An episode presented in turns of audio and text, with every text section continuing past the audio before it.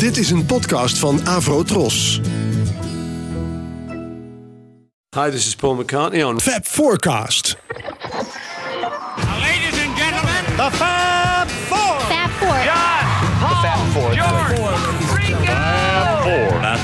Fab Four. We have for you the Fab Four. Fab Forecast. I don't see too much difference myself in Rubber Soul and Revolver. To me, they could both be like Volume 1 and Volume 2.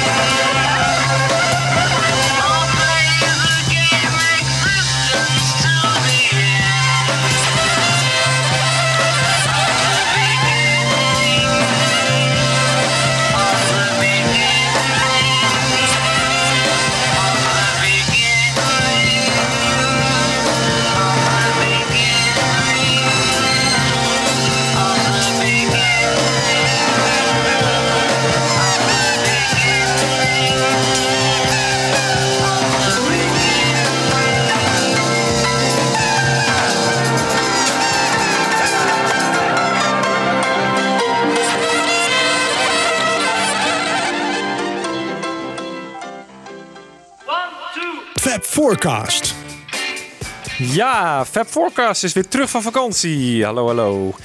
Jongens, hoe was de vakantie? Heerlijk. Ah, heerlijk, hè? Fantastisch. Ja, Lekker uitgerust. We uitgerust. zijn weer helemaal vol frisse moed. Gaan we weer aan de slag. Zeker. We zitten hier weer in een hele warme studio met Wibo. en En Michiel. en we gaan eh, dit keer drie shows maken over het bijzondere album Revolver. Ehm Wibo, als ik Revolver zeg, wat zeg jij dan? Wat, wat, wat komt het eerste bij je boven? Eh, Ja, eh, weird eh, en wonderful. Ja, prachtig album. Staat hoog op je lijst Ja, van... top, top drie staat hier wel. Michiel? Ja, bij mij ook. Ehm, ik vind vooral ook een album waarop de Beatles nog echt als een eenheid klinken. Vergeleken met eh, latere albums. Het is misschien wel het laatste moment, zou je kunnen zeggen, dat ze zo met z'n vieren er echt voor gingen. Zou je dat kunnen zeggen? Dat kun je zeker zeggen. Ja. Zeker bij het eerste nummer waar we zo aan, aan, aan toe komen. Tomorrow Never Knows is echt een nummer wat ze echt met z'n vieren hebben gemaakt. Echt, iedereen heeft een hele belangrijke inbreng. Misschien wel het allerbelangrijkste van de hele Beatle-periode. Dat ze alle vier zo belangrijk zijn geweest in, een, in één nummer. Maar daar, daar komen we zo op. Eh, we gaan naar 1966. Beetje halverwege eigenlijk de, het, het Beatle-tijdperk, hè? Ja. Want wat, hoe zit het eigenlijk? Wanneer, wanneer beginnen de opnames? In april? Ja, de opnames beginnen in april. En interessant is dat ze daarvoor een tijd ehm, niks te doen hebben. Dus eh, na Oud en Nieuw zouden ze eigenlijk een film gaan maken. Eh, maar die film ging niet door, want ze, ze konden het niet eens worden over het scenario. En ehm, toen hadden ze in één keer een aantal maanden vrij. En ik denk dat dat ook van grote invloed is geweest op hun creativiteit, op eh, wat ze allemaal, waar ze mee kwamen. Eh, ze snoven nieuwe dingen op. McCartney ging echt Londen in. Eh, George Harrison ging zich nog meer verdiepen in die sitar en in die, in die Indiaanse muziek. Eh, ze bezochten veel concerten, ze hoorden veel andere artiesten. En ik denk dus dat eh, dat heel belangrijk is geweest eh, voor de creativiteit die ze daarna helemaal kwijt konden in. Maar, maar die, even over die film. Want Brian Epstein die heeft dan kennelijk dus het doel gehad van we hebben vier, we hebben vijf, we hebben 66. Dan gaan we weer, gewoon weer een Ja. gezellige film maken. ja, En dat was kennelijk al zo ver gevorderd. ja, hij dat moest. een heel, een, heel, een heel tijdspad was afgebakend. Ja, want, want die, die concerten van de Beatles, dat lag natuurlijk al in die tijd. Was het niet meer zo van, eh, kunnen jullie volgende week spelen? Nee, dat werd al maanden van tevoren vastgelegd. En, en hij was ook contractueel verplicht om een derde film af te leveren. En ik dacht, ja, de, de, de periode hè, waarin dat in het verleden gebeurde... was natuurlijk begin 64, begin 65, dus Ja. ook begin 66. Maar ik denk dat de Beatles al helemaal niet meer met zo'n film bezig waren. Ik denk dat zij al helemaal niet meer wilden. Ook al was het scenario wel gelukt of was het een interessant scenario. Ik denk dat ze eh, in die periode waren ze al niet meer zo echt. eh, Wa- wa- was, was, dit die western trouwens? Ja, die western. Ja, A Talent for Loving. Oké, ja. En er zaten ook eh, homoseksuele kenmerken in die hun helemaal niet beviel, geloof ik. Dat heb ik ook wel eens gelezen. Ja. Het is, van alle kanten is dat afgeschoten. En eh, ja, die, die periode lag va- eh, vast. En dus het is ook niet zo geweest dat Epstein toen direct heeft gezocht naar vervangende optredens of zo. Ik denk dat de druk van de Beatles ook wel van jongens, laat ons nu eventjes Ja. wat, eh, wat rust. Laten we genieten van onze populariteit. En Ze hadden net dat jaar geld. 65 achter de rug natuurlijk, wat ook enorm hectisch was. Ja, en wel aan het eind van het jaar natuurlijk met een andere richting eh, met Rubber Soul. Ik denk dat ze voor het eerst ook werden gezien als echt kunstenaars, of artiesten. Want ze hadden zo'n album, zo'n mooi album afgeleverd. Ja, ja. Ja. En ze hadden natuurlijk Dat nog wel wat in door. mars. Hè. Ze, Ja. wilden, ze wilden graag nieuwe dingen uitproberen. En het kostte allemaal tijd. En dat, dat, dat- ook om daar te- toe te komen en om dat in gedachten te brengen. En, en, en, en het was ook een periode waarin de muziek een belangrijke ontwikkeling doormaakte.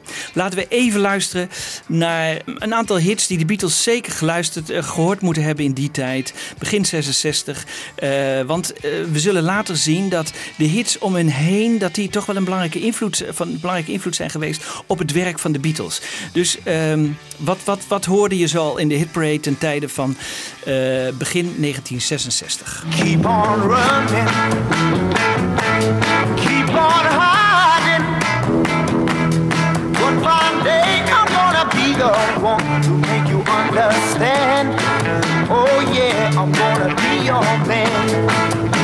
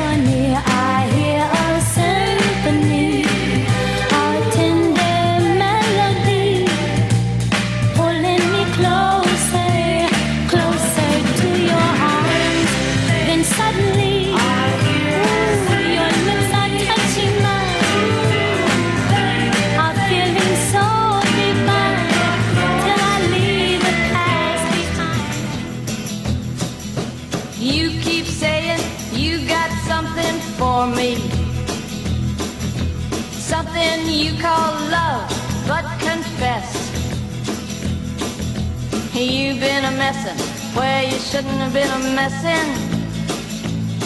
And now someone else is getting all your best. These boots are made for walking, and that's just what they'll do. One of these days, these boots are gonna walk all over you. When I'm feeling blue, you. Then I'm not so blue. When you're close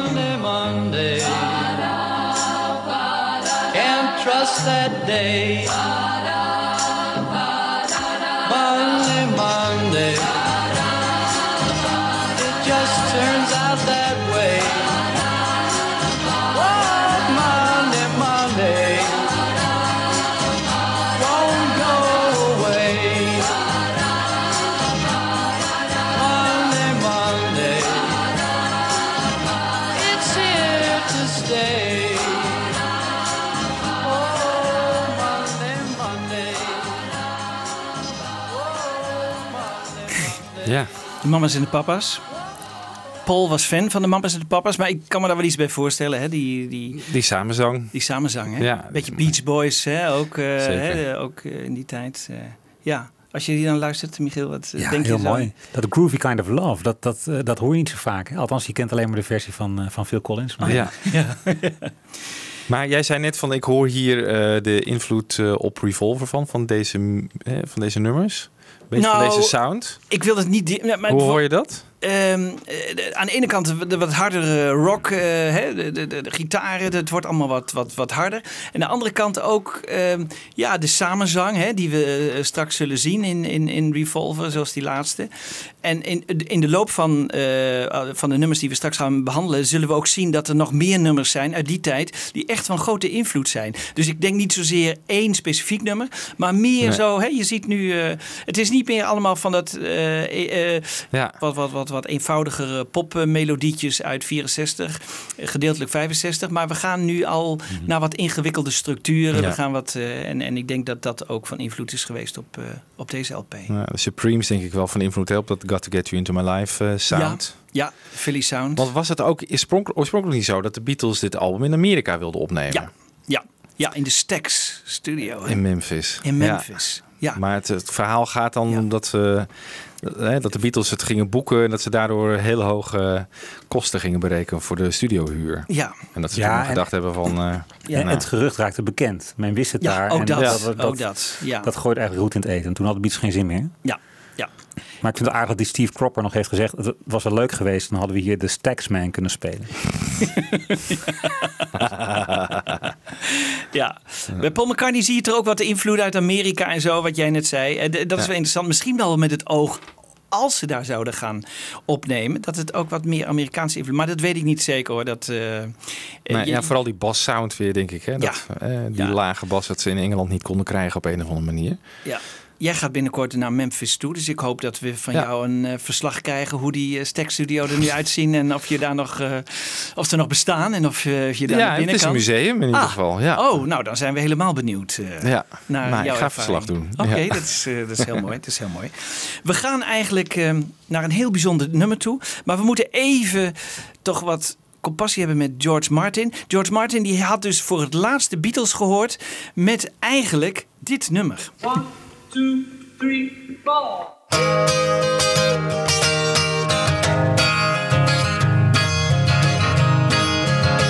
I'm looking through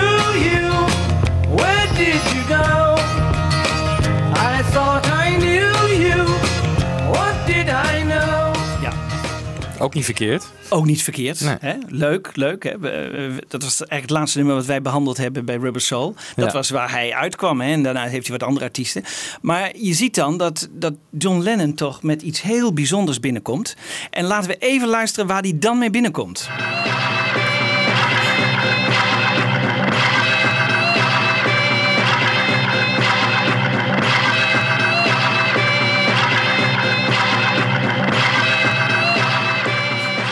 dit is dan alleen Andere koek. de andere koek, toch? Ja. Ja. Ik bedoel, dat die man... Hè, hij zegt dat hij het allemaal geweldig vond. Maar dat moet voor hem toch een, een enorme overgang zijn geweest, of niet? Het lijkt mij wel, ja. ja. Maar hij zag de uitdaging natuurlijk meteen er ook wel van in. Ja. Ja, het is wel iets heel anders dan van het folky naar dit. Dit is gewoon eh, ja, experimentele... Is dit, wat, wat voor opname is dit die we nu Dit horen? take, take, dit is de backing track van Take One. Die heeft hij dus. En, en daar weten we heel weinig van. En dat, dat is weer heel jammer. We weten weinig van John Lennon die met George Harrison eh, dit bedacht heeft. Want George die is waarschijnlijk met een idee gekomen. Nou, als ik, als ik dit met een bepaald instrument ga doen. En, en dit was nog maar een, een uitprobeersel. De, de, de, de uiteindelijke take, ho- daar horen we iets heel anders weer. Maar ook een soort backing track op, op één toon. Maar dit is toch eigenlijk al iets, iets revolutionairs. En, en hoe die daar opgekomen is en hoe die samenwerking met George is geweest, daar weten we eigenlijk heel weinig van. Ik heb er, misschien hebben, hebben jullie er ooit iets over Met gehoord. George of Harrison bedoel je nu toch? Ja, ja. tussen George en John, hè? Ja. George Harrison, ja. Ja, Want je ja. weet, George Harrison heeft wel gezegd van... ik vind hier een, eh, hoe noemde jij dat instrument ook alweer? Dat vond hij goed passen bij dat... eh, Tambura. Tambura. Ja, In dat Tomorrow Never Knows. Omdat het een beetje een droneachtige sfeer moest krijgen. ja. Dat Maar dat, dat heeft Lennon dus aan hem uitgelegd, waarschijnlijk. Ja. En hij heeft het opgepikt. Dat vind ik dan heel knap. Opvallend dat Lennon dat doet, bedoel je? Ja, dat Lennon Ja. dat doet ten eerste. En dat hij dat oppikt. En op zodanige manier dat het, dat het een geweldige eh, ja, eh, aanvulling op dat nummer is. Ja. Ja. Ik, ik, ik vind dat Ik wist helemaal niet van de rol van George Harrison hier in dit ja, nummer. die, ja, dus Ja. eigenlijk, en dat zullen we zo zien, alle vier Beatles hebben hier een doorslaggevende belangrijke rol in dit nummer gespeeld. En eigenlijk, eh, er wordt wel eens geklaagd over Lennon, hij zou lui zijn en hij zou niet eh, met veel nieuwe dingen komen. Maar hier zie je toch dat hij echt iets heel revolutionairs begint. En, Ja. en, dat, en, en, en Rodriguez zegt in zijn boek ook, het is vaak John die bij een nieuwe opname van een LP vaak als eerste met een, met een speciaal nummer komt. En, Ja. En, eh, Nou, dat klopt ook. Want als je het optelt, inderdaad, bij Help is het Ticket to Ride. Bij Hard Ja. Day's Night is het Hard Day's Night, het titelnummer. Ja. Natuurlijk. ja. Ehm, bij Rubber Souls eigenlijk als enige, dat begint met Run for Your Life. Ja, Wat ja. eigenlijk het matigste nummer van, van het album is. Ja, ja. Maar bij ja. Revolver herpakt hij zich weer. En, en bij Pepper nemen ze eigenlijk eh, Strawberry? Fields eigenlijk. Hè? Wat was eigenlijk mee? bedoeld Strawberry Fields? Dat was eigenlijk Ja. eh, bedoeld voor, Ja, voor de LP, voor maar dat was ook ja. weer heel bijzonder. Ja. Dat was ook weer heel bijzonder. Maar Hard Day's Night is toch pas later opgenomen in de sessie. Maar zij beginnen ook met een nummer. Volgens mij kent By Me Love in Parijs. Maar... ja, Oké, dat nou oké, niet ja. echt, eh, Nee, dat was niet. Ja, ik moet jullie even corrigeren. Nee, klopt. Natuurlijk Ja, was het later. ja, Ja, ja. was natuurlijk En- ja, naar aanleiding van de film. En was het niet bij Ja. de dubbele witte Revolution? Dan moet ik even nadenken. Maar goed. Eh, Daar komen we nog op. Daar komen we Ja. nog op, daar, daar gaan we nog uitgebreid mee.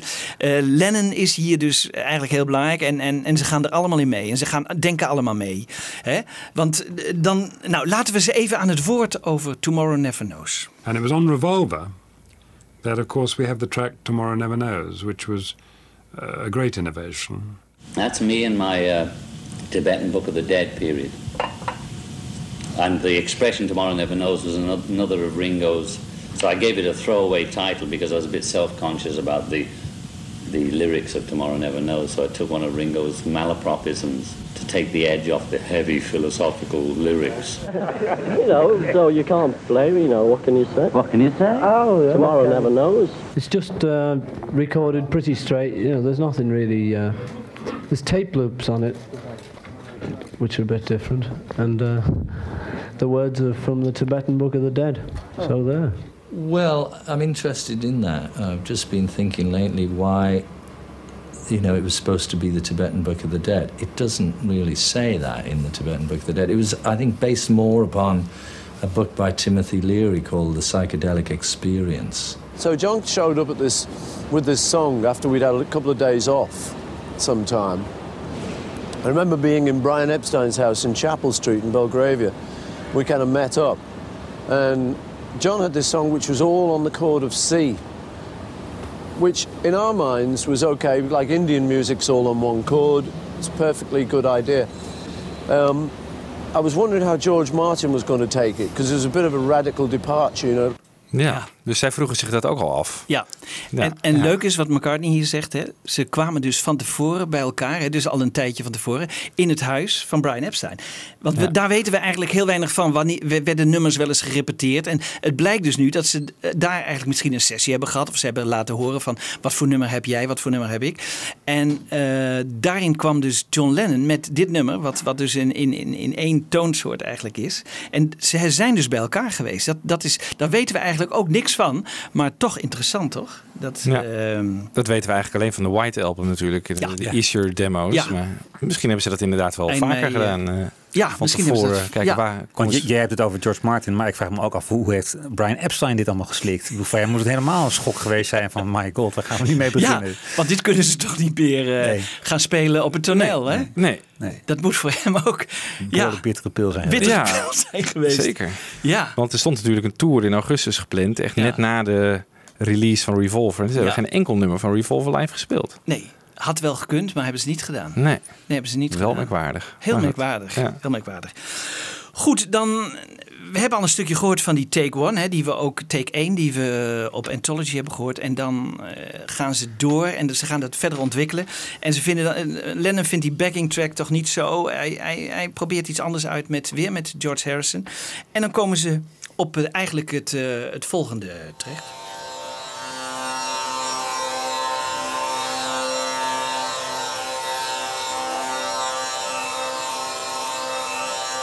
Ja, Michiel. Dit, dit is wel grappig. We luisteren dus nu naar de backing track, hè? Zonder iets. Op zich al bijzonder. Ik vind dit al. Dit is toch, hè, dit is toch aardig. Dit, Wat, wat horen we hier? hier horen we dus alleen George Harrison, die de tambura. Ik denk een, een combinatie van twee sporen hoor. Dat Ja. weten we niet zeker. Maar Het klinkt als in ieder geval twee eh, tambura's. Ja. Goed, eh, En tambura even. Ja. Ik heb dan eh, toen ik voor, voor deze show eh, daarin gelezen, dacht ik tambura, oh dat is wel een of andere trommel of zo, maar dat is het dus niet. nee, Een snaarinstrument. het is een snaarinstrument. Maar hoe- sitar. Het is een soort sitar. En eh, ja, eh, hij, hij speelt het al heel goed. Maar hij hoeft natuurlijk maar één toon hè, te spelen. Ik heb deze wat verlengd hoor. Maar eh, ze, ze hebben, heeft het dan alleen op Revolver, dacht ik, gebruikt. Misschien daarna nog één keer. Het ziet eruit als een sitar, alleen met een nog grotere eh, lijf. Hoe noem je dat? Eh, Ja. in de- Body, body ja. ja. Ja. Met nog wat dieper, maar Oké, en het Ja. is behoorlijk groot. Ja. behoorlijk groot ding. Ja. Ja, ja, hij was dus niet alleen geïnteresseerd in die, eh, in die sitar. Nou, dan vonden ze moeten drums bij. Hè? En eh, McCartney dacht, eh, ik wil andere drums dan normaal. En waar herinnerde hij zich ook alweer drums van? What You're Doing. Dat is bijvoorbeeld een... eh,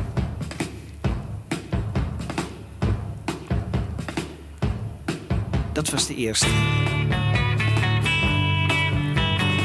Lekker. Lekkere drumroll voor, hè? Ja, jij als uh, drummer natuurlijk. Nou, eh, die, diezelfde die is wat verder ontwikkeld bij Ticket to Ride.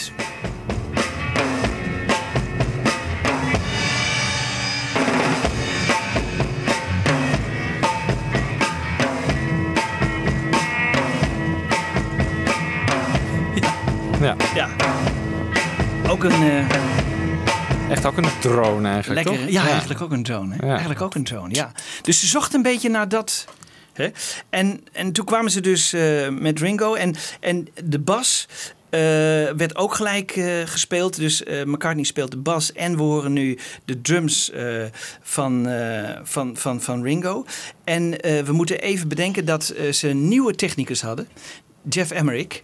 Dus ze begonnen met een schone lei en die wilde wel wat dingen experimenteren. Dus die wilde de bas van McCartney beter laten klinken, de drums beter laten klinken. En die, die, die zetten dus de microfoons dichter bij de instrumenten of bij de versterkers. En dat zorgde voor een intenser geluid. Dat mocht eigenlijk niet, hè, want eh, er waren allerlei regels voor. Maar die lapte die aan zijn laars en dat vonden de Beatles natuurlijk prachtig. Ja. Dus we horen nu ook al een intenser basgeluid. En de drums die komen goed over. Dus eigenlijk was het eh, in zijn geheel toch een, eh, een grote vooruitgang, mogen we stellen. Ehm, zullen we er even naar luisteren?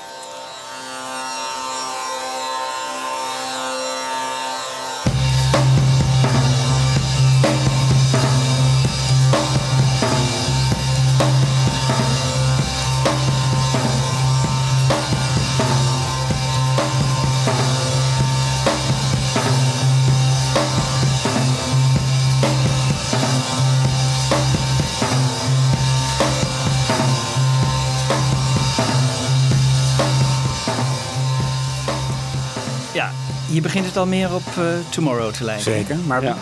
we zijn alweer een stuk verder. Volgens mij gaan we nog weer terug naar take 1, hè? Nou ja, Want eh, de, nou, de take ik- 1 ik- van, van Ik, ik heb nu take 1, want we moeten natuurlijk. We, we, kunnen niet te lang stilstaan. Dit is al de, de, de, de take zoals die uiteindelijk erop komt. Hoor. We gaan niet terug naar take 1. We, ik ga wel even terug naar take 1. eh, als we het over de vocals hebben. Hè? Want ehm, die moeten er natuurlijk ook bij. Hè? Dus de, de stem van Lennon. En Lennon zei: Ik wil mijn stem nu eens geheel anders laten klinken. eh, dan, die, eh, dan die ooit heeft geklonken. En laten we eh, George Martin eh, daar even over aan het woord. John told our producer George Martin that in the background he wanted the sound of thousands of monks chanting. George persuaded him to settle for four Beatles and a lot of tape loops with echo instead. When he came to me, he said, uh, "I want to have a really weird sound on this." I do, you know, I, he never liked his voice. He always wanted me to distort it. He said, "I want to sound like a Dalai Lama on the top of a mountain." I thought, well, I don't know quite how I do that in Abbey Road, but um, what I did then, which I don't think had been done before, I'm not sure, I put his voice through a Leslie speaker of a Hammond organ to give a kind of welly effect. Ja. ja. Dat was niet zijn idee, nee, geloof ik. Hè? dat wou ik net zeggen. Dat was niet zijn idee. Hè? Nee. Dat was Jeff Emmerich. Ja. En eh, een grandioos idee natuurlijk. Laten we eens even eh, luisteren hoe dat dan klinkt. Eh, En dan, nu gaan we even naar jouw take 1 terug. Hè? Want bij die take 1 hebben ze dat eh, een beetje uitgeprobeerd. En eh, dat klonk ongeveer zo. Float downstream. It is not dying. It is not dying. Lay down, thought, surrender to the void. It is shining. It is shining. You may see the meaning of within. It is being. It is being. That love is all, love is everyone. It is knowing. Eh, hè, dit hakt er toch even in. Het En- mocht niet gewoon maar echo zijn, zeg maar. Dat was even, eh, er moet echt iets anders gebeuren. Ja, dan, hij, dan, hij had een, tenminste wat er altijd uit, uit, uit interviews blijkt, hij had een hekel aan zijn eigen stem. Ja. En hoe, hoe onbegrijpelijk ook. Maar dat, hij wilde eigenlijk dat het totaal anders klonk dan, dan, dan in werkelijkheid. En eh, ik vind ook dat voor, voor George Martin, hè, ik bedoel, alle complimenten, ik bedoel dat hij hier zo ver in ging. Hè, dat, want dit is natuurlijk, dit is, dit, is, dit is ook weer een revolutie. Alleen al die stem. Ja. Ik bedoel, hè, dat, dat, dat, we moeten bedenken dat we in, in halverwege de jaren 60 zitten, waar nog nooit een stem op zo'n manier vervormd was en zo anders klonk. Dus dat is wel ook al heel, heel, heel bijzonder. Ja. En ehm, Lijkt een beetje Free as a Bird. ja, maar dit vond. Ja, precies. Ja, maar zelfs dit vond Lennon te ver gaan. Hè, want eh, als we de. Het hele nummer door bedoel je? ja, het hele nummer Ja. door, want hij heeft het maar voor een gedeelte op de uiteindelijke versie gedaan. Ja. Want stel dat we deze stem bij de, de uiteindelijke versie zouden horen, hoe zou het dan klinken? Nou, daar, daar kunnen we nu even naar luisteren.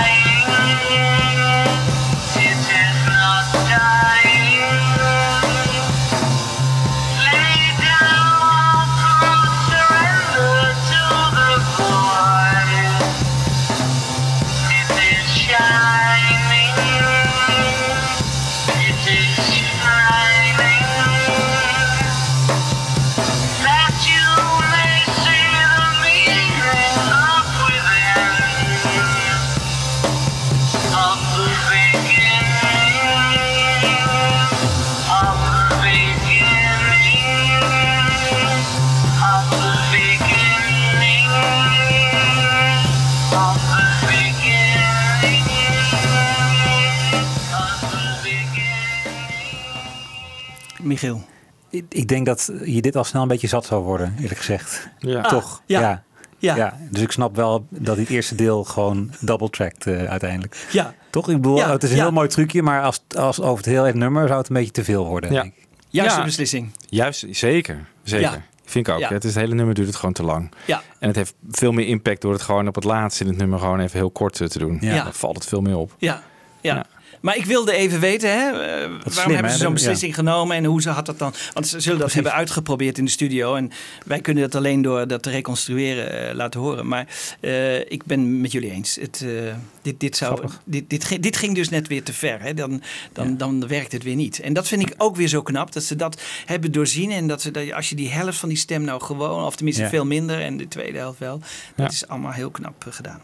Ja, dus we zien eigenlijk ehm, George een hele belangrijke stem, eh, stempel. Hè. Eh, eh, John natuurlijk, het is zijn nummer, hij heeft het bedacht. eh, hij heeft George daarvoor ingeschakeld. Dan komt McCartney die, die met de drums gaat bemoeien.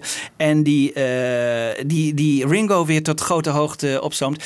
En McCartney noemt dan altijd eh, de, de tape loops die heel belangrijk zijn geweest. Ehm, Terwijl het, eh, als ik het, de boeken mag geloven, is het geen idee van McCartney. Het is een idee van Lennon. En Lennon heeft het weer van een ander gehoord. ehm, en die eh, zei van we moeten iets met tape loops eh, gaan doen. Het, het is geloof van Luciano Berio of zo afkomstig. Het is uit die hele alternatieve scène die, waar ze die, die tape loops gebruikten. En Ja. tape loops, dat zijn dus eigenlijk ja, hoe leggen we dat uit aan mensen die nu alleen nog maar eh, MP3 en, eh, en, en hooguit CD's beluisteren? Eh, je had vroeger een bandrecorder en ehm, er was een soort spoel en die liep van links naar rechts. Maar als je de, de band, een, een kort bandje ervan maakte van 50 centimeter, dan kon je hem eigenlijk voortdurend door laten lopen. Ja. En, dan zou, en dan, dan zou het één stukje muziek zou je voortdurend achter elkaar kunnen beluisteren. Ja. En ze hebben dus alle drie, Ringo heeft niet meegedaan, maar alle drie, eh, George, Paul en John, die zijn thuis bezig gegaan met, ze hadden bandrecorders thuis en zijn daar tape loops gaan maken. Dat betekent dat ze eh, stukjes muziek of een stem van zichzelf, McCartney heeft een stukje eh, op, op wijnglazen met zijn vinger daar overheen gedaan. George die heeft een sitar.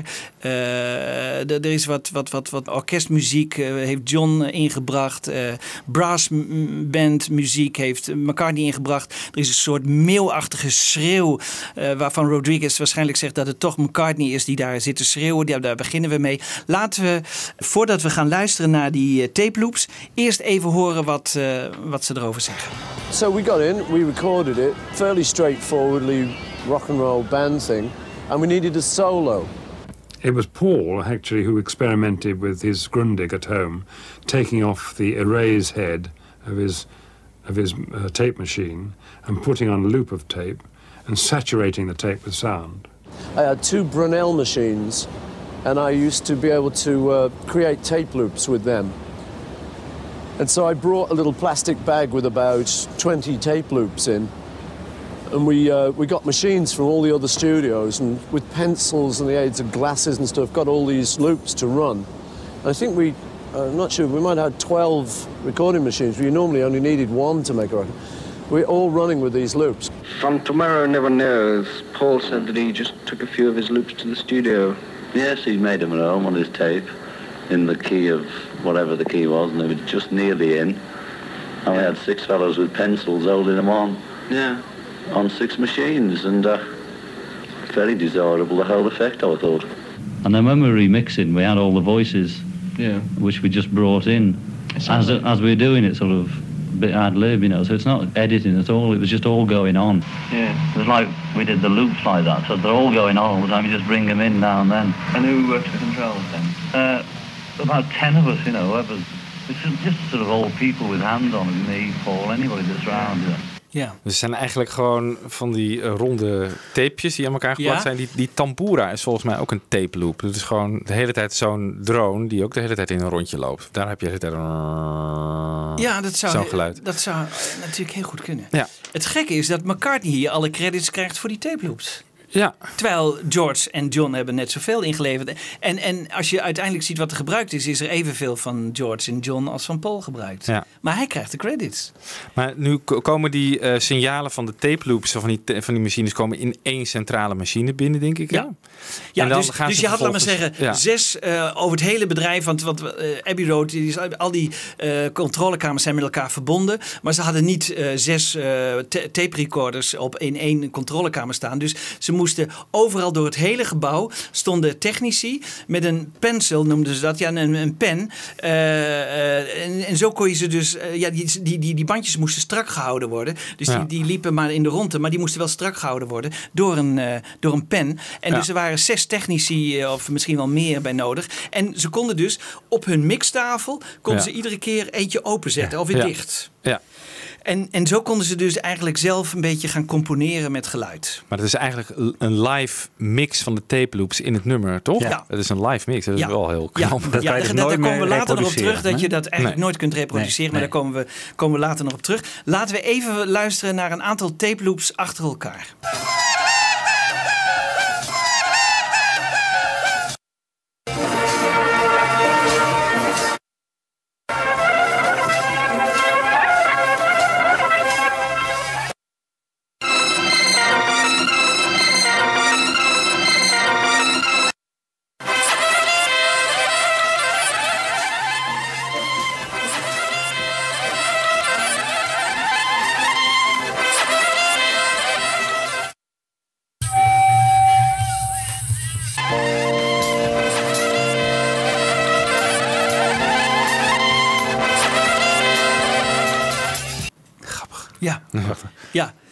Elkaar niet lachen, hè, nergen, maar goed. eh, Nee, ja, dat, dat is die, die, Dat is die mail, die mail helemaal aan het begin. Maar dan eh, ver- heel erg versneld. Ja, en, maar ik heb hem langzaam, ik heb hem steeds langzaam. Ik heb hem je zelf- hoort het niet? En je hoort het niet. Nee, Nee. je hoort het niet. Dus dat is wel knap gemaakt. En hoe hij dat heeft gedaan, dat is nog. Daar komt eh, eh, Rodriguez ook niet uit. En, en, en andere onderzoekers niet. En McCartney zelf heeft er nooit wat over losgelaten. die heeft daarover nooit wat losgelaten. Wel dat hij heel graag die tape loops terug wilde hebben. En of iemand ze ooit nog had, heeft hij een jaar of tien geleden bekend laten maken. Heeft iemand die tape loops nog van mij, Hm. van vroeger. Maar eh, nou ja, we, we hebben ze in, in, in die zin, eh, omdat ze ook eh, bijna los weer staan op een, op een aparte tape. Zo, zo kun, daarom kunnen we ze nu eigenlijk ook allemaal beluisteren. Ja. Maar eigenlijk is dit even belangrijk van John, George als Paul. Ja. Hun invloed was even groot. De group effort. Ja, Dit. ja. En dan krijgen we eh, de gitaar, de backwards gitaar. Eh, Michiel, jij wil daar misschien nog wel even iets over zeggen. Eh, nou ja, jij, hebt, jij, hebt ooit, eh, je zei tegen mij hè, van, we dachten ooit dat het uit Texman kwam. Hè? Ja.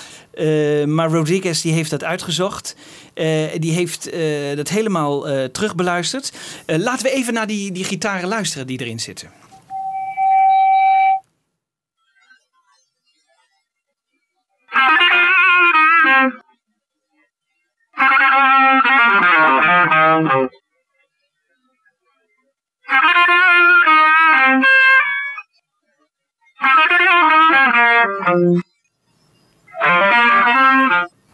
Zo klonk het dus gewoon normaal opgenomen. Normaal, ja. En het begon even met een raar toontje. Dat rare Ja. toontje was het, het, het, het- dat heb ik even aan laten zitten, omdat dat dat glaswerk is waar Paul, hè, een Oh. tape loop van Paul, waar je dus eh, hoort eh, dat hij met de vinger over een, eh, Ah, over een glas eh, heen right, wrijft. En dat is dus nog een tape loop van hem. Maar dit is dus de, de gitaar.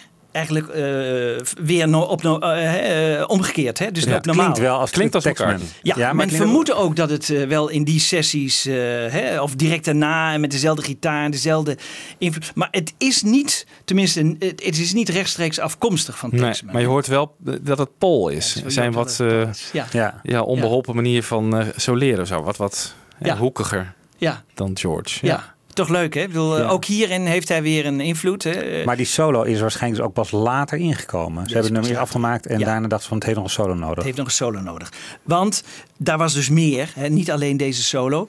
Eh, ze begonnen ook in één keer met piano's te experimenteren. En misschien kunnen we daar ook even naar luisteren.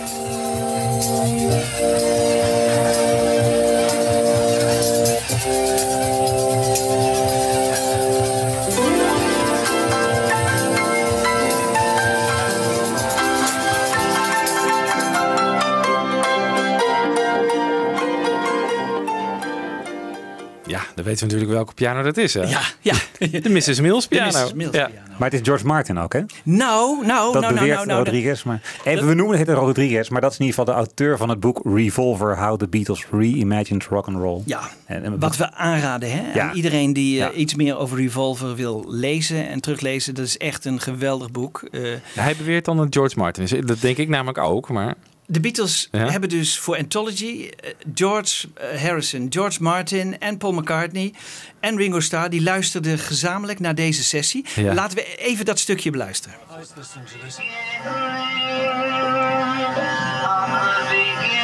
So the double track voice is straight, and that one is got the wobble The on effect it. on it, yeah.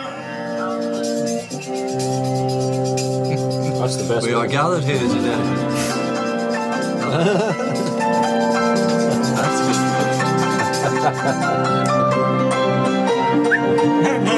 That's that piano down there. Was that you? I don't know. It sounds like you.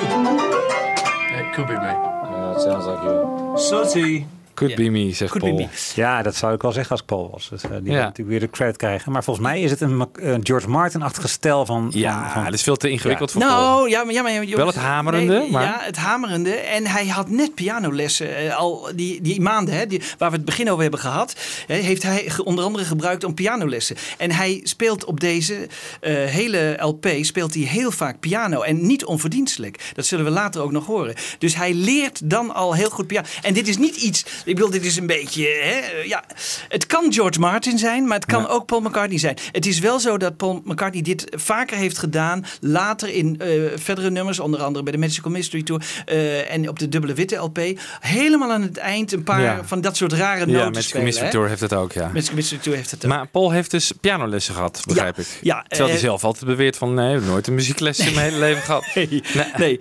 Eh, via de moeder van Jane Asher heeft hij pianolessen gehad. En dat heeft hem echt enorm geholpen. En we zien ook later dat hij niet onverdienstelijk hier ook een aantal dingen op piano speelt. En, en weet je, eh, een jaar later speelt hij ook steeds beter piano. Hè, Sgt. Pepper. En, en op, op, op, Abbey, of, eh, op de dubbele witte natuurlijk. Hè, Martha, My Dear en zo. Ja, dat Lady zijn Madonna, Geen, Lady ja. Madonna, dat zijn, dat zijn Maar hele Good Day Sunshine is bijvoorbeeld ook nog eh, George Martin. ja, Die solo, ja. Ja, ja, ja, ja, ja, ja, ja, ja. Maar goed, eh, de, hij, hij speelt toch al. hij- Het is niet zo dat hij. En hij speelde in Hamburg ook al eh, piano. Hè? Klopt. Dus hij, hij had al wel wat geleerd. En thuis kon hij eh, wat standards en zo op eh, de piano voor zijn vader spelen. Dus, eh, maar eh, wie, eh, wie denken jullie? Ik, ik blijf bij George Martin. Maar goed, Ik nee, ook. ik bedoel, het is... eh, Ja, maar dit wist ik niet van de pianolessen. Dat zou natuurlijk goed kunnen. Ja. Ja, Ja. ja, ja. Maar goed, maar we weten wel de piano, eh, welke piano het is. In ieder Ja, geval, die ja. zwarte. Nou, ehm overigens, het nummer waar we mee begonnen. Dit, dit, deze podcast, ehm, dat is een afgekeurde versie van John Lennon. Eh, het is namelijk zo dat toen eh, de LP uitkwam, kregen de Beatles als eerste die LP in handen. En John Lennon zei van, ja, maar dit is helemaal niet de mix die wij eh, bedoeld hadden. Ehm, toen hebben ze dus de hele zaak moeten stopzetten. Hebben ze alle LP's moeten vernietigen, in zoverre ze nog niet naar de winkels al waren. En op zich is het niet zo verwonderlijk, want wat ze hierop, dit was RM12, Remix Mono 12, 11, sorry, 11. En eh, hij had bedoeld RM8. Dus eh, een eerdere versie eh, was volgens John de bedoeling dat die op de LP kwam. Dus die horen we nu uiteindelijk eh, altijd als we nu gaan luisteren naar eh eh, En wat is het monoversie. Ja, eh, het zijn maar minimale verschillen. Ik kan het er nauwelijks uithalen. De stem is wat anders, eh, eh, komt iets anders naar voren. Maar het is, het is, het is, eh, de- nou ja, het is misschien interessant eh, om eens aan onze luisteraars te vragen. Want ik, ik, ik, ik, Hij was ik wel een haal het er niet perfectionist. Hij was wel een interessant. Als perfectionist. eigen producties ging. Dit Ja. soort dingen, daar legde hij heel veel eer in. Om ook heel precies te weten dat het moet zo. En niet Ja. anders kennelijk. En- Ja, want dit was een enorme kostenpost natuurlijk. Ja. Er moesten nieuwe masters gemaakt worden. Eh, het, het was al, eh, hè, banden waren al naar het buitenland en dus Ja. het moest allemaal teruggehaald worden. Het was enorm. En dat we dit nu hebben, dat eh, komt Is doordat er waarschijnlijk een, paar, paar- niet, paar niet vernietigd zijn. Ja. doorheen geglipt zijn. Hè? En die kunnen we dus horen aan het begin. Eh, die mixage was overigens, eh, en dat, dat noemden jullie al, ik geloof jij eh, je kon het eigenlijk maar één keer doen. Want, eh, nou laten we daar George Martin nog even over aan het woord. So when we mixed the Tomorrow Never Knows, it was the basic four track with John's voice and Ringo's drums and the tempo and so on on it. But then it was a live mix because all over Abbey Road I'd commandeered control rooms where I had people with these loops on, mach- on mono machines holding them on with pencils, you know, going forever. They were just going round and round and round and fed those sounds through into the control panel where we were mixing. And we all got, got involved in the mixing. Everybody was at many hands because Jeff Emmerich was doing the main balancing, and each of us were doing uh, panning positions of the of the of the, of the uh, effects. And uh, it was uh, a good fun day, and, and I was sort of supervising the whole thing, and it was, it was uh, turned out to be what you know now today. But we could never do that again because it was something that happened instantly. It was, I think it was a, an interesting thing to do because it kind of paved the way for what was to come in 1967 with Sgt. Pepper. Ja, hij had wel gelijk natuurlijk. Maar het is, het is, het is eh, daarom klinken ze ook niet allemaal hetzelfde. En, eh, maar dat maakt het voor ons natuurlijk alleen maar weer leuk. Hè? Ja. Ja. Nou, tot zover drie kwartier lang Tomorrow Never Knows, jongens. Ja, dit, nee, jongens, we gaan natuurlijk volgende niet, show, We gaan, eh, we gaan natuurlijk niet Nee, zo diep in op ieder nummer. Maar super dit, dit, interessant, ja. Dit was zo'n bijzonder nummer. Daar moesten we gewoon, hè, dat, dat konden we niet anders voorbij laten gaan. Dit is toch een van de hoogtepunten. Eh, vele mensen zeggen dat het eh, door drugs beïnvloed is. Ehm, zelfs de hele LP door drugs beïnvloed is. Laten we even horen wat, wat, wat Ringo en ik geloof ook John daarover zeggen. I don't see too much difference myself in Rubber Soul and Revolver. To me, they could both be like Volume 1 and Volume 2. Rubber Soul was a pot album, and Revolver was a. I mean, uh, we'd had acid uh, on Revolver. Everybody's under this illusion that, Pe- even George Martin was reading the MM saying, "Oh yeah, Pepper was their acid album." We'd had acid, including Paul, by the time Revolver was finished. Dat is geloof ik niet waar, hè? Dat Paul die was nog niet aan de LSD geweest. Nee. Dat is pas eind 66. Ja, ja dat is waar. Dat is waar. Ja. Dat is waar. Ja, maar goed. Want het volgende nummer. Hè, we, we gaan dus eh, nu een beetje chronologisch hoe ze het hebben opgenomen. En het volgende nummer is Got to Get You Into My Life. En eh, daarvan wordt altijd gezegd dat was drugs. Hè? En dat was niet een vrouw, maar dit was echt drugs. Ja. En, ehm, Maar wiet. Dus Ja. geen eh, hard Nee. potdrugs. Ja, Pot. maar dat was. eh, en, en, en zijn hele leven heeft Paul al gezegd dat hij enorm blij daarmee was. En dat hij daar eigenlijk niet zonder kon. En, eh, Ja. en, maar dat, dat, dat heeft hij dus toen ook in een song verwerkt. Ehm, nou, we gaan daar zo op in. Ehm, een, een belangrijke invloed op die song is het volgende nummer. eh, laten we daar even naar luisteren. Georgie Fame. The thing I can say, I say yeah yeah. That's what I say. I say yeah yeah. That's what I say. Yeah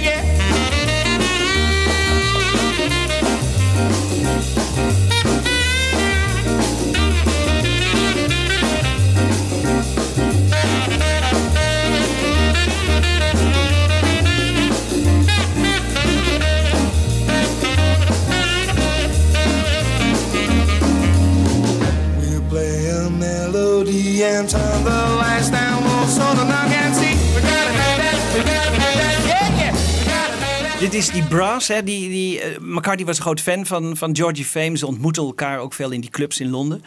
En eh, hij had dit nummer gehoord en dacht, wow, dat wil ik ook. Ja. Hè? Dus die geweldige sound die hij daar, eh, die wil ik ook in een van mijn nummers eh, brengen. Nou, dat is hem ook gelukt, want hij heeft dus dezelfde mensen die bij Georgie Fame op zijn plaat Yeah Yeah speelden, heeft hij in de studio uitgenodigd. En hij heeft George Martin voorgezongen van hoe hij het ongeveer wilde hebben. En zoals we het later op de plaat horen, is het te snel. Dus ik laat nu even horen een stukje. Het is min 6% van hoe het origineel is opgenomen, de brass.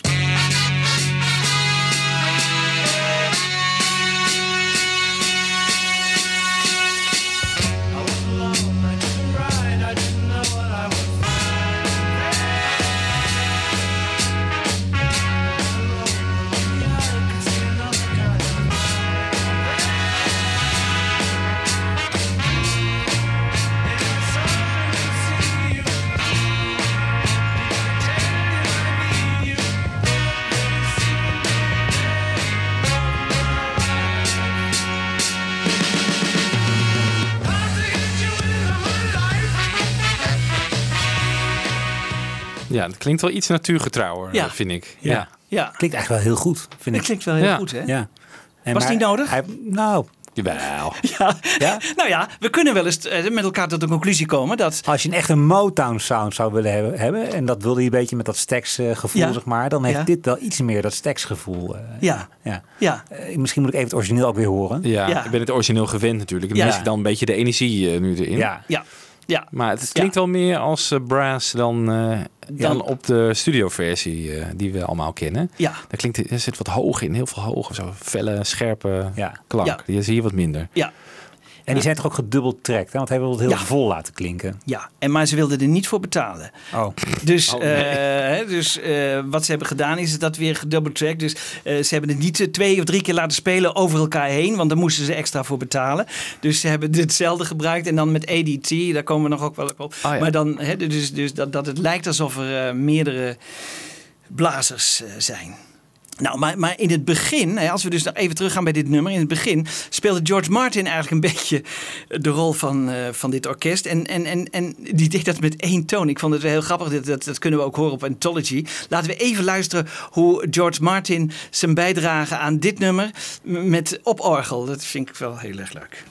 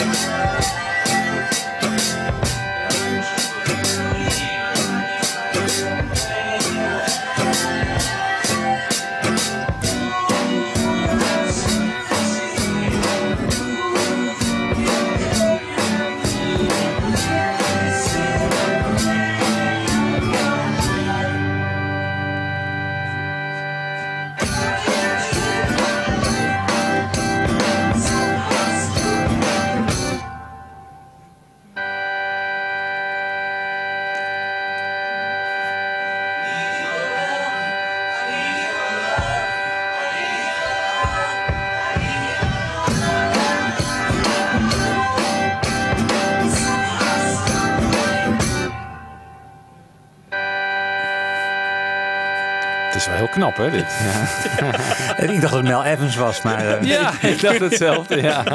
Had gekund, hè? Had gekund, toch? Zoals op The Word, toch? Eh, Ja. ja. ja. Maar ehm, dit is wel de, de vroege versie van. Got To Get You Into My Ja. Life. Maar Het- zit niet in de, de uiteindelijke versie, toch? Die aanhoudende toon? Nee, maar of hij is Nee. nauwelijks nog te horen. Ja. Eh, het ging ook wel eens fout. Laten we even luisteren.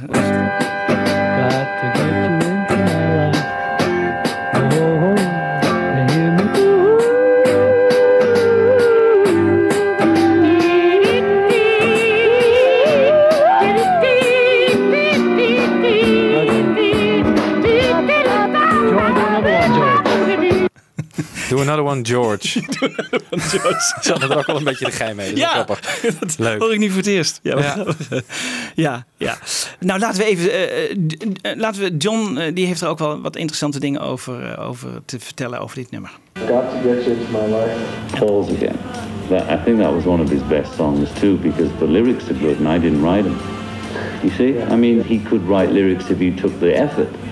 Then there's the occasional song like that where says, "I took a ride." And, you know, I mean, it's it's a, it's not sort of wishy-washy. It actually describes his experience on taking acid. I think that's what he's talking about, really.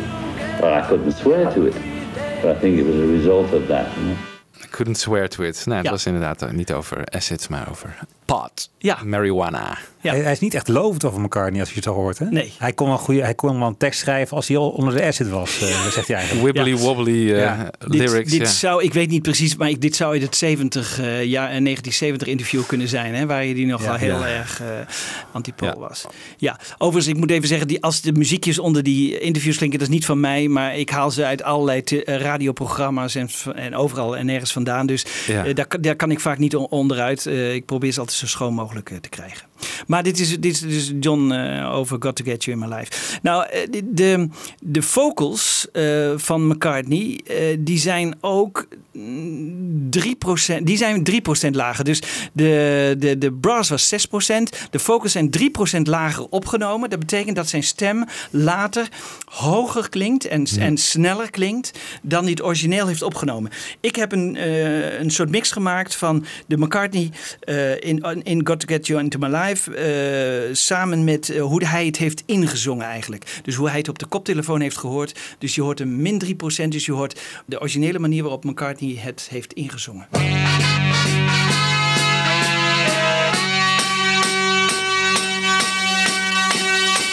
I was alone, I took a ride, I didn't know what I would find there. Another road where maybe I could see another kind of mind there. Ooh, then I suddenly see you. Ooh, did I tell you I need you every single day of my life? You didn't run, you didn't lie, you knew I wanted just to hold you. And you knew in time we'd meet again, for I told you.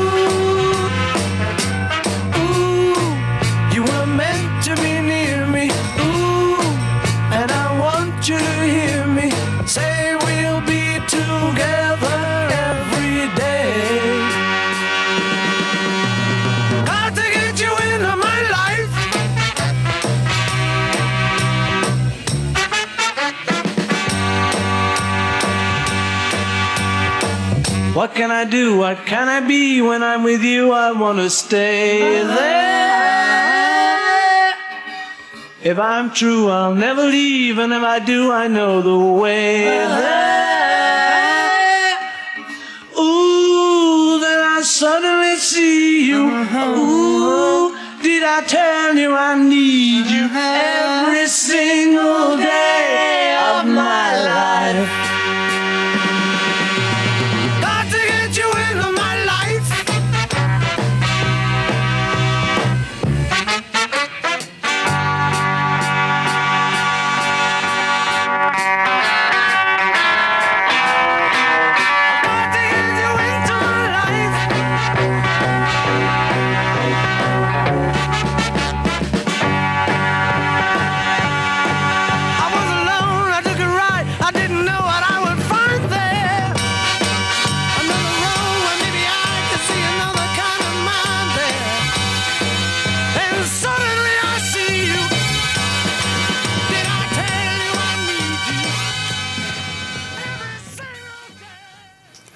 Einde even uitluisteren. Ja. Every single day. Je hoort die brass ook weer geweldig opgenomen door Jeff Emmerich. Hè, met die microfoons bijna, Ja, de in bijna. de- bijna ja. erin. Ja. Bijna erin. En dat is ook wel weer heel bijzonder. Dat, dat, dat, dat hoor je echt. En dat is eh, een verdienste weer van eh, Emmerich die, dat, die daarmee kwam. En eh, natuurlijk omarmd door de Beatles. Ja. Geweldig. Dus dit was wat we op het laatst hoorden, hè? gewoon een normale studioversie, maar wel min 3 procent. Min 3%, Dat hoor je ja. bijna niet, hè? Je hoort het bijna niet. Hè? Nee, dat is... Dat is Ook alweer perfectionistisch inderdaad. Van, ja, oh, ja, Even, ja, maar het grappige is, je went er snel aan. Hè? Je had Ja. zo'n programma toontje hoger, toontje lager. Dat is heel moeilijk.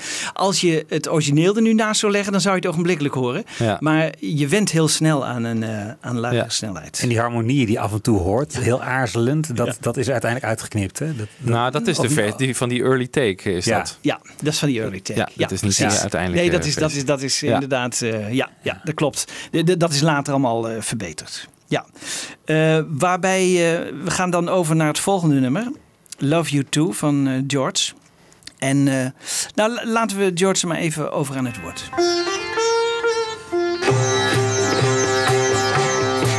Can you disclose any secrets about this LP? Have you introduced any unusual instruments this time? Uh, no, we- you no. can't use a sitar because everybody's using it. Yes, we can. We No. can. Well, we got one for that one. Well, it's one like saying you can't use guitars because everyone's using them. You know. Depends where you're from. So nothing new. Yeah, I'm playing sitar on another track, but you know, I mean, I don't care if everybody's using them. You know, I just play because I like it. I wrote that one on the sitar. I got a l- local Indian bloke from London to play tabla on it. That was purely an exercise to get sitar and tabla uh, into the Beatles.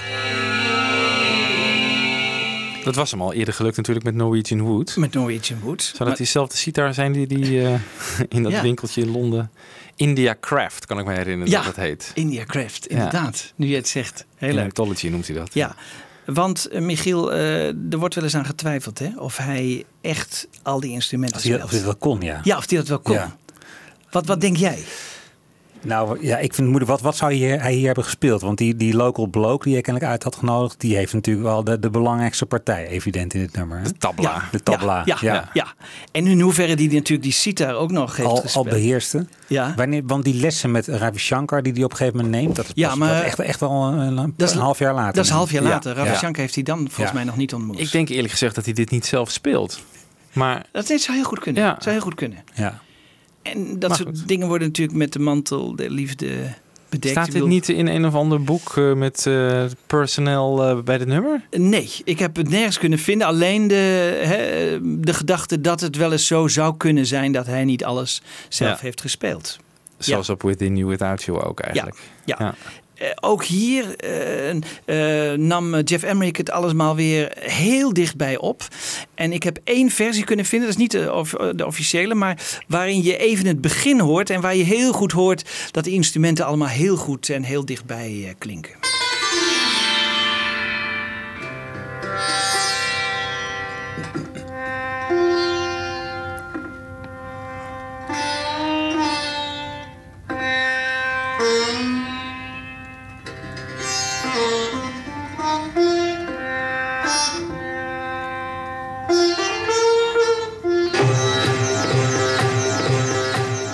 Ja, wel grappig hè. Dit- Hier hoor je dus heel goed die instrumenten. Dat het ook heel dichtbij is opgenomen.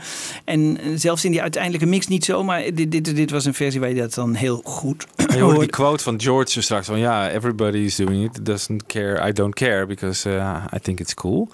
Maar een nummer totaal op deze manier opnemen, het was, Sita was vaak gewoon een onderdeeltje, net zoals in Norwegian Wood. Maar een nummer gewoon helemaal alleen tabla en sitar, dat was volgens mij voor die tijd toch wel redelijk Ja, eh, eigenlijk zien we het, eh, helemaal nieuw.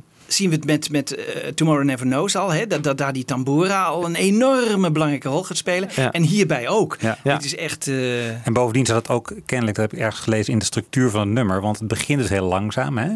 Althans, je hoort hem even. Ja. En dat was kennelijk ook iets in die Indiase stijl. Waarbij je dus in het begin even een beetje als het ware moest improviseren. En daarna kwam je er pas in met die eh, drone die je dan uiteindelijk hoort. Weet Ja, je wel? Dat, Ja. gewoon Ja. dat, dat die versnelling komt. Ah ja. Ja. Dus hij probeerde zich ook helemaal de structuur van het nummer, zoals, het, zoals iemand uit India het zou spelen, zeg maar, eh, eigen te maken. Ja. Dus, eh, ja. Ja. Dat was ook wel typisch George natuurlijk, om er zo serieus je Ja. volledig erin te werpen, zeg Ja. maar. Ehm, ik heb een eh, versie gevonden, take 6. En daarin wordt de tweede sitar eh overgedubt. De fuzz bass, denk ik, en de vocals gaan ook hier eh, een rol spelen. Dus laten we maar even luisteren naar Love You Too, take 6, eh, de tweede overdub. They'll fill you in with all the things you'll see.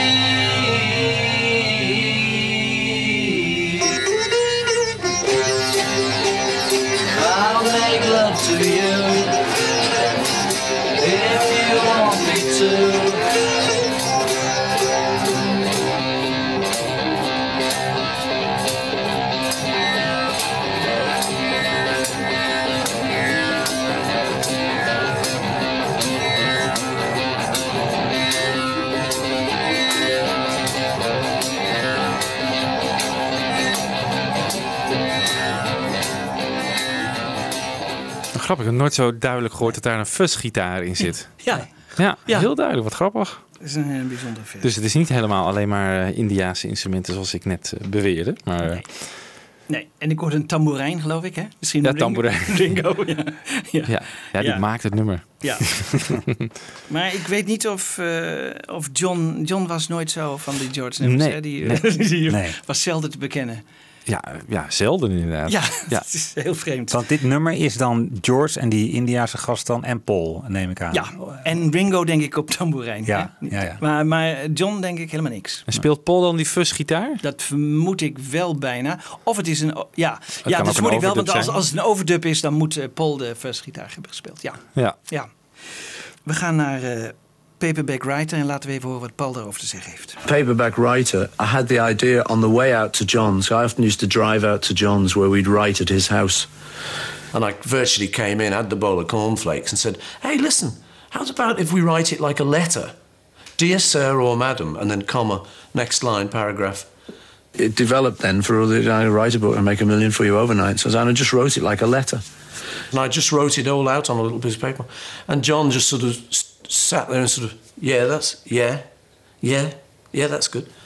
That's it then. And with that one, that just kind of flowed and I sort of wrote that. Oké, John heeft er dus eh, vrij weinig eh, in te brengen. Ja. Ja, grappig. Dat is waarschijnlijk stoned of... eh, ja. Ehm, laten we even luisteren naar een klein stukje Paperback Writer Take One.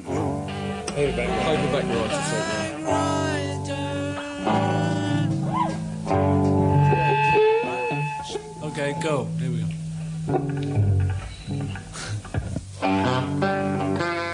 Here goes Paul. Go Paul.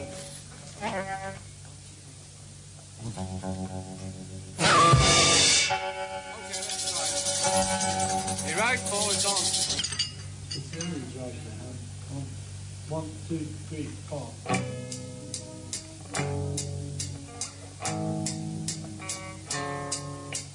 Wow,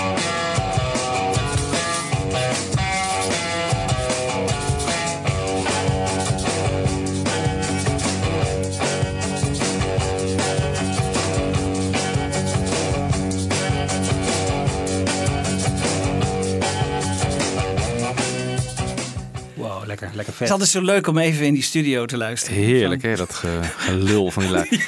Ik hoor al wel de tamboerijn hierin naast het drumstel. Dus dat moet dan iemand dat spelen, toch? Paul misschien? Want die ging volgens mij op deze, deze tijd een beetje de bas overdubben, toch? Ja. Ja, daar kon je dus gelijk. in. Dat, Ja. dat is interessant. Dat is Dus interessant. dat hij later de bas ging inspelen en hier gewoon de tamboerijn. eh, want ik Nee, denk dat John en speelt- George hier de gitaren Ja, nee, dat is dus Paul. Ja. tenminste, dat lees ik bij Rodriguez. Ja. Dat, eh, dat dit een van de eerste keren is. Nou, niet de eerste keer, maar wel een van de eerste keren dat hij zo'n dominant gitaarlik eh, overneemt. Oh. Oké. Ja. Oké. Dus Paul speelt gitaar. Ja. Laten we even naar luisteren. Lief. Even, even naar luisteren.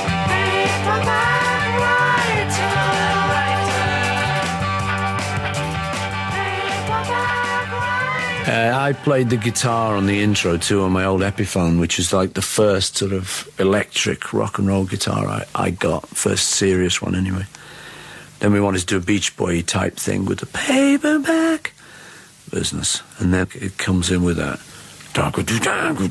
and then little bass thing I discovered on that session. Around about that time, I'd been presented with one by Mr. Rickenbacker, a Rickenbacker bass. And when we were out in LA, the, the, the fella came from the factory, sort of gave me it, you know. So that became a new recording bass. It recorded a bit better than the Hofner. Hij nam het gelijk eh, het heft in handen. Hè? Dus Ja, eh, die ik gitaar. heb een nieuwe gitaar. Een nieuwe gitaar, een nieuwe Rickenbacker. eh, gelijk. eh, en een enorm stempel op zijn eigen nummer. Misschien kunnen we even een stukje horen van eh, hoe, hij dat, hoe hij die gitaar speelde op eh, Paperback Writer.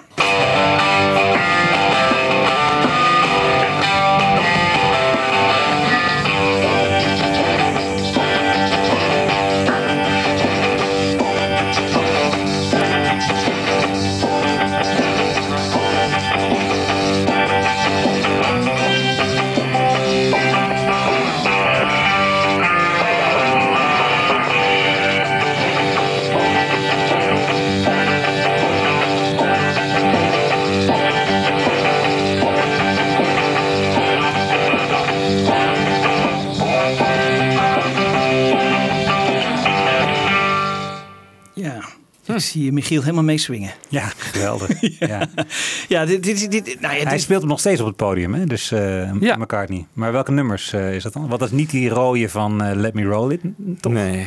nee, nee, het is een sunburst-achtig eh, model. Beetje Ja. zwart, beetje, Een beetje goud- en ja. Ja. geel erin. Ah, ja. hij speelt hem af en toe nog wel. Ja. Ja, ja. Ik heb hem op Pinkpop niet gezien, geloof ik. Maar, Nee, nee, ik heb Pinkpop niet gezien. Nee, maar, eh, daarvoor wel eens, ja. Ja, ja. En toen eh, het boek uitkwam van Mark Lewison, ik dacht in 87, als ik niet eh, maakte hij voor het eerst bekend dat het achtergrondkoortje Frère Jacques was. En ik, ik nam mijzelf bijna kwalijk dat ik dat er niet uit had gehaald, want het, het kost enige moeite. Maar je had het eruit kunnen halen bijna, hè, als je het nummer hoort. Ja. Dat de, het achtergrondkoortje van George en John Frère Jacques eh, was. En, eh, maar hij kwam daarmee en ik, ik vond het zo'n geweldig. Maar nu heb ik ook weer ontdekt dat, dat lang niet op de normale snelheid is geweest. Zij hebben dat ingezongen, maar ze kon natuurlijk niet zo hoog komen als eh, Paul dat wilde. Dus ze hebben het min 10% Dat is een van de eh, meest lage percentages geweest. Eh, min 10% opgenomen. Laten we even luisteren hoe dat Frère Jacques door die twee jongens werd ingezongen.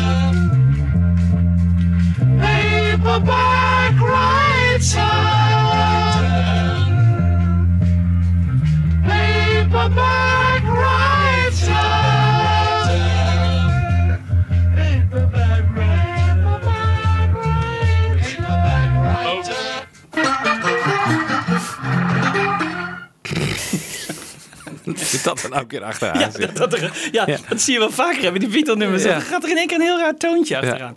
Ik eh, ja, maar je hoort ook... eh, John heeft hier een belangrijke stem, maar ik geloof dat Rodriguez zegt dat hij op halve snelheid... maar halve snelheid, daar hebben ze nooit iets, bijna nooit iets opgenomen. Dat is ook onmogelijk. Halve snelheid kan bijna niet. Maar dit is 10% en dat is al heel wat. En, en, Ja. en, en, ja, nu begrijp ik wel dat ze, hoe ze dat hoger dan hebben kunnen halen. hè, Want, eh, ja, maar John ja. zingt al met kopstem hier Ja, al. ja. Want- Ja, ja, En ja. dat wordt dan heel hoog dan. Ja.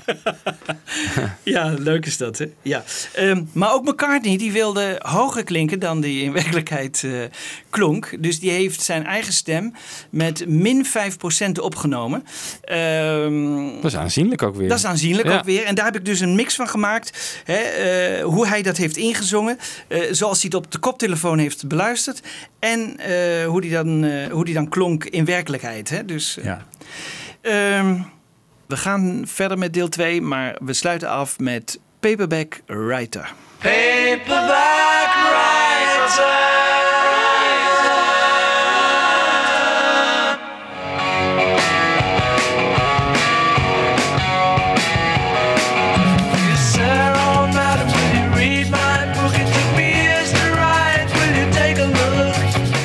based on a novel by a man named Lear, and I need a job, so I want to be a paperback writer. Paperback writer.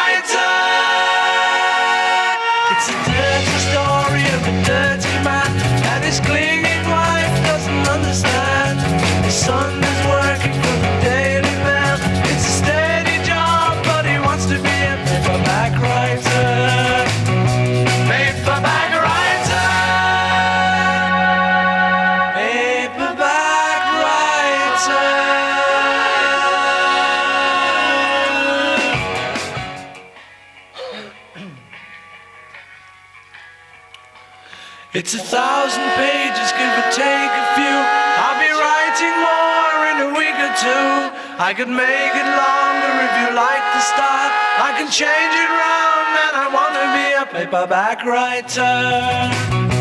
Paperback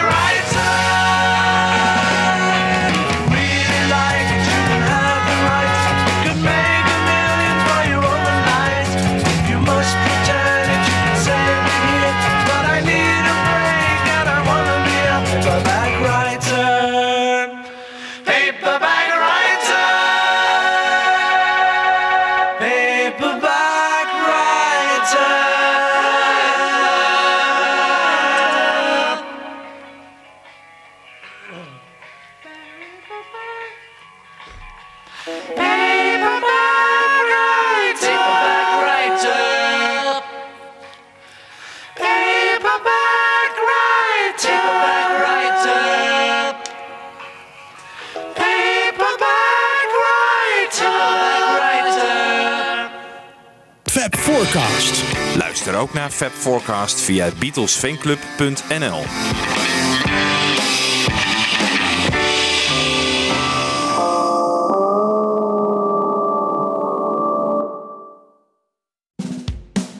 Dit was een podcast van Avro Tros. Wij maken tientallen podcasts per week. Van klassiek tot pop, van actueel tot archief, van reguliere radioshows tot speciaal voor podcast gemaakte programma's. Kijk voor meer podcasts op avrotros.nl.